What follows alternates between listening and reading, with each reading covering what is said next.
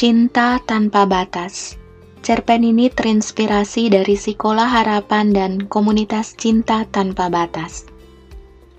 Ini tentang komunitas cinta tanpa batas dan sebuah sekolah kecil di kaki pegunungan Gawalise yang jauh dari perkotaan.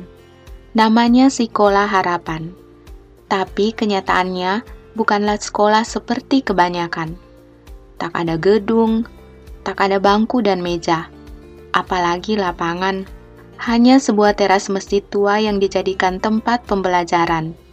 Beralaskan terpal biru, semuanya duduk melantai. Merasakan kasarnya lantai semen yang belum dibaluti tehel, apalagi marmer berkilau. Tak ada jendela, hanya berdindingkan pemandangan alam yang begitu indah. Angin sejuk yang menampar wajah, seolah menyadarkan kalau kebahagiaan itu bukan hanya milik kita semata, tapi juga mereka.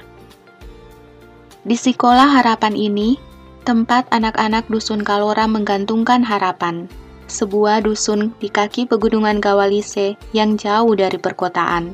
Hingga jarak ke sekolah yang sangat jauh pun menjadi alasan mereka untuk bermalas-malasan. Anak-anak kecil ini mungkin belum paham tentang masa depan, tentang pentingnya pendidikan dan sulitnya nanti mencari pekerjaan. Yang ada dalam pikiran mereka hanyalah bermain dan bersenang-senang. Halo adik-adik semua, hari ini kita kedatangan tamu. Sapa Oji yang aku tahu sebagai pendiri sekolah ini. Tadinya aku pikir dia seorang guru yang ditugaskan di pedalaman, atau seorang anak muda bergelar sarjana pendidikan yang lagi magang. Tapi ternyata dia seorang dokter. Hai adik-adik, kenalkan, nama saya Putri.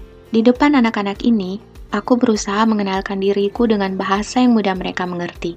Sesekali aku bertanya pada Oji, Sesekali juga dia tertawa melihat aku yang mendadak kebingungan. Jujur, aku bukanlah seseorang yang bercita-cita menjadi guru. Aku juga tidak cukup sabar untuk bisa berhadapan dengan anak-anak. Tak heran kalau aku sangat takjub pada Oji yang menjadi pendiri sekolah ini. Aku seolah bisa membayangkan bagaimana pusingnya berhadapan dengan puluhan anak dengan karakter yang berbeda. Apalagi mereka lebih sering menggunakan bahasa daerah. Pasti dibutuhkan kesabaran ekstra. Jadi Kak Putri mau memberikan kejutan apa untuk adik-adik ini? Ujar Oji seketika membuat aku kelabakan. Mau mengajar atau memberikan games mungkin? Lanjut Oji membuat aku semakin panik. Mengajar? Sumpah, aku sama sekali tak berbakat. Games apalagi? Bahkan merebut perhatian mereka pun aku tak yakin bisa. Bagaimana kalau mereka hanya menatapku aneh? Garing. Krik-krik Aku tak mau mengubah sekolah ini menjadi kuburan yang hening. Setelah berpikir lama, aku tiba-tiba teringat sesuatu. Aku lantas mengeluarkan kertas origami dari dalam tasku. Aku memang selalu membawanya ke mana-mana. Oke adik-adik semua, kali ini Kak Putri mau mengajarkan kalian membuat burung origami. Ujarku lalu mulai membagikan kertas berwarna-warni. Dan sambil melipat, Aku pun mulai mendongeng, mungkin bakatku hanya sebatas ini. Menurut legenda, kalau kita membuat seribu burung origami dan menyimpannya dalam toples kaca, maka keinginan kita akan dikabulkan. Aku sengaja memilih bahasa yang paling sederhana agar anak-anak ini bisa memahami ceritaku. Ada dua orang kakak beradik yang sudah tidak memiliki orang tua. Yang mereka lakukan sehari-hari adalah mengumpulkan barang-barang bekas dan menjualnya untuk dibelikan makanan. Pada suatu hari, sang kakak mengumpulkan kertas koran dari tempat sampah, lalu mengajari adiknya membuat burung origami. Sang kakak berkata, kalau membuat seribu burung origami, maka keinginan mereka akan terwujudkan. Lalu sang adik pun menjadi sangat semangat melipat burung-burung itu. Hari demi hari mereka melipat, Burung-burung itu pun semakin banyak. Mereka melipat sambil tertawa-tawa, seolah melupakan beban kehidupan yang berat. Hingga suatu hari, datanglah seorang bapak dan sangat tertarik dengan burung-burung itu. Dia lalu menawari kedua kakak beradik itu untuk menukar burung-burung origami mereka dengan sepotong roti coklat. Awalnya sang kakak keberatan. Dia mengingat semua perjuangan mereka melipat burung-burung itu. Dia teringat dengan keinginan mereka yang hampir terwujudkan. Namun melihat sang adik yang begitu menginginkan roti coklat, tergiur oleh rasa penasaran karena mereka memang belum pernah menyantap roti selezat itu. Akhirnya sang kakak merelakan setoples burung origami yang telah mereka lipat dengan penuh perjuangan. Dengan tawa canda dan cerita-cerita kehidupan yang sebenarnya tidak bisa digantikan, bahkan oleh roti coklat selezat apa pun. Tapi demi sang adik, dia pun merelakan segalanya, termasuk keinginan mereka yang hampir terwujudkan. Aku melihat anak-anak itu terdiam mendengar ceritaku, entah paham atau malah kebingungan. Oji pun terpaku di sisiku. Mendadak suasana hening. Aku berharap kelak anak-anak ini tidak akan menukarkan begitu saja cita-cita mereka dengan sepotong roti coklat sekalipun mereka sangat menginginkannya. Karena kehidupan bukan hanya tentang makanan yang lezat atau kebahagiaan yang bisa dinikmati sesaat. Mereka butuh pendidikan untuk bisa bersaing dalam kehidupan. Karena hidup butuh perjuangan. Oke, sekarang kita membuat pesawat. Ujarku berusaha memecah hening. Anak-anak itu seolah tersadar dari lamunan panjang, lantas bersorak kegirangan. Oji membantuku membagikan kertas berwarna-warni lalu mengajari mereka membuat pesawat. Setelah selesai, Oji dan anak-anak itu membawaku ke suatu tempat, di mana aku bisa menyaksikan pemandangan kota dari kejauhan. Rumah-rumah yang berderet rapi layaknya miniatur yang dilihat dari pegunungan. Di sinilah kita akan menerbangkan pesawat-pesawat penuh harapan ini. Oke, sebelum menerbangkannya, kalian harus membisikkan cita-cita kalian meniupkannya pada ekor pesawat, lalu menerbangkannya. Ujarku penuh semangat. Anak-anak itu pun menyambutnya dengan tak sabaran. Siap, teriakku. Dan mereka pun mulai membisikkan cita-cita mereka. Ada yang ingin menjadi dokter seperti Oji, ada yang ingin menjadi tentara, ada yang ingin menjadi guru, dan entahlah, mungkin ada yang ingin menjadi pendongeng sepertiku.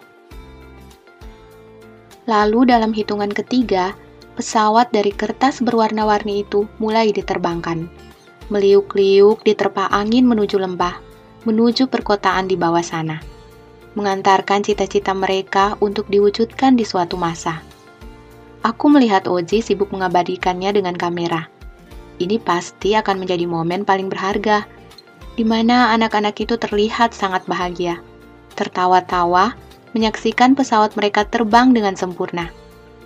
Diam-diam aku berdoa, semoga semua harapan mereka didengar oleh Sang Pencipta. Saat membuka mata, anak-anak itu sudah berlarian untuk kembali membaca. Hanya ada Oji yang masih sibuk dengan kameranya.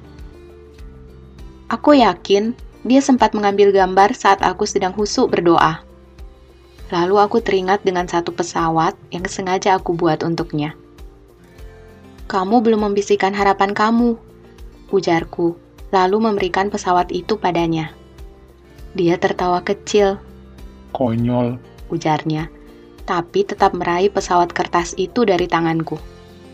Aku melihat Oji membisikkan sesuatu, meniupkannya pada ekor pesawat, lalu mulai menerbangkannya. Giliran aku yang mengambil gambarnya. Senyum Oji mengembang seiring dengan terbangnya pesawat itu. Wajahnya terlihat sangat bahagia tulus, seperti cintanya pada anak-anak itu. Jadi, kamu membisikkan harapan apa tadi? Tanyaku pada Oji. Dia lantas tersenyum. Aku ingin anak-anak itu tidak berpikiran kalau dengan tinggal di pegunungan, mereka lantas tidak berhak akan pendidikan. Aku ingin mereka seperti anak-anak lainnya yang memiliki masa depan. Harapan yang sangat mulia, Seketika Oji tertawa mendengar ucapanku. Kak Oji!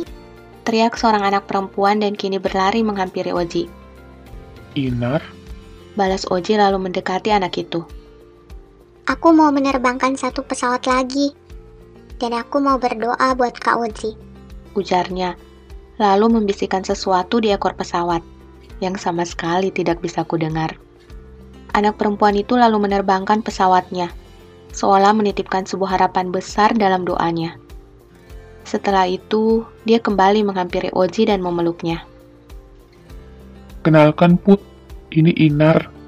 Dia yang menginspirasi aku untuk menulis puisi waktu itu. Aku menatap seorang anak kecil di depanku. Usianya mungkin sekitar tujuh tahun. Kulitnya gelap, sangat kontras dengan kulit Oji yang putih bersih. Rambutnya sebahu, lurus, beda dengan teman-teman yang cenderung ikal dan keriting. Dia tersenyum padaku, ramah, sorot matanya penuh semangat. Aku yakin dia adalah anak yang hebat. Tentang anak ini, Oji sering cerita padaku. Dia bahkan pernah menuliskan puisi dengan judul Langit Biru untuk Inar. Mungkin bagi Oji, anak ini sangat spesial. Dia bahkan sering memasang foto Inar di akun Instagramnya. Entahlah Put, Anak ini membuatku jatuh cinta. Dia bilang kalau dia juga sayang banget sama aku. Tiba-tiba dia peluk aku dan minta digendong. Kayaknya dia berharga banget. Jelas Oji membuatku terharu. Aku tak menyangka Oji yang terlihat tangguh ternyata memiliki sisi melankolis, bahkan mungkin sedikit romantis. Kamu tahu nggak, anak kecil itu sama sekali tidak punya bakat buat berbohong tentang perasaannya. Pelukan dia itu tulus. Ucapan sayangnya benar-benar dari hati. Dan jika dia minta digendong, itu berarti dia nyaman sama kamu. Beda dengan orang dewasa. Mungkin saja kalau sekarang aku tiba-tiba peluk kamu, itu bukan berarti aku tulus, tapi modus. Karena menurutku, orang dewasa lebih terlatih berbohong tentang perasaannya. Ujarku membuat Oji tertawa. Pengalaman pribadi ya? Seketika aku ikut tertawa. Apaan sih? Aku memukul bahunya pelan. Lalu akhirnya kita berdua terdiam beberapa saat. Ci, panggilku pelan. Iya. Dia menatapku dalam. Soal orang-orang yang membenci, bahkan menghujat kamu, biarkan saja ya. Seperti yang pernah kamu bilang, kalau cinta itu tak berbatas, bahkan untuk orang-orang yang membenci kita sekalipun, cinta akan tetap mengalir luas. Jangan menyerah ya, Ji. Kamu harus terus berjuang untuk mereka. Untuk Inar dan anak-anak ini. Makasih ya, Put. Oji tersenyum menatapku. Aku sendiri tidak tahu akan sampai di mana dan sampai kapan aku bertahan. Yang aku tahu, setulus apa pun kita berbagi kebaikan, tetap akan ada yang membenci. Bahkan orang yang kita anggap sahabat sendiri. Bahkan orang yang pernah sangat kita cintai Orang yang selalu berdiri di depan dan membela kita, tiba-tiba saja sudah berada di belakang dan menusuk kita. Sakit. Aku tahu bagaimana sulitnya Oji melewati semua ini. Di saat orang-orang di sekelilingnya berkata kalau semua yang dilakukannya hanyalah pencitraan semata. Bahkan orang yang pernah mencintainya pun tega melukai perasaannya. Tapi seperti itulah kehidupan. Bagaimana kita seharusnya bertahan. Aku dan Oji tiba-tiba tertawa. Diikuti tatapan bingung Inar yang tidak mengerti arah pembicaraan orang dewasa. Kelak dia akan tahu bahwa di kehidupan ini akan ada orang-orang yang mencintai sekaligus membenci kita. Ada orang-orang yang mendukung sekaligus menjatuhkan kita di waktu yang sama. Hanya sikap bijak lain bisa membuat kita melaluinya dengan mudah. Aku dan Oji bangkit bergegas menuju anak-anak itu untuk segera pamit. Oji menggendong Inar dan bertanya apa yang anak itu bisikan saat menerbangkan pesawatnya tadi. Inar bersikeras tak mau menjawab dan berusaha menutup mulutnya dengan kedua tangannya. Tapi Oji terus menggelitiknya agar mau menjawab. Aku hanya tertawa melihat keakraban mereka, seperti seorang adik dan kakak, seperti dua orang sahabat. Langit sore hampir berubah gelap. Semoga saja kebahagiaan ini tidak ikut lenyap. Seperti matahari yang tenggelam di barat. Esoknya, dia akan terbit lagi dari tempat yang berbeda. Begitu juga kebahagiaan. Satu kebahagiaan bisa saja hilang, tapi besoknya dia akan tergantikan dengan kebahagiaan lain dari tempat yang berbeda. Seperti itulah kehidupan. Motor Oji melaju meninggalkan kaki pegunungan. Membawa setumpuk harapan yang harus terus dia perjuangkan. Bukan untuknya, bukan untuk komunitasnya, tapi demi anak-anak itu, demi masa depan mereka. Put, Suara Oji seketika menyadarkan aku yang duduk di boncengannya. Kenapa? Tanyaku sedikit mendekat ke punggungnya. kamu tahu tadi Iner membisikkan apa? Apa? Tanyaku penasaran. Rahasia dong. Ih, apaan sih? Aku memukul bahunya kesal. Dan motor Oji terus melaju di bawah langit senja berwarna kemerahan, yang melambangkan kehangatan dan seolah menyimpan banyak harapan. Karena berbuat kebaikan sudah menjadi tanggung jawab kita semua. We love, we care, we share.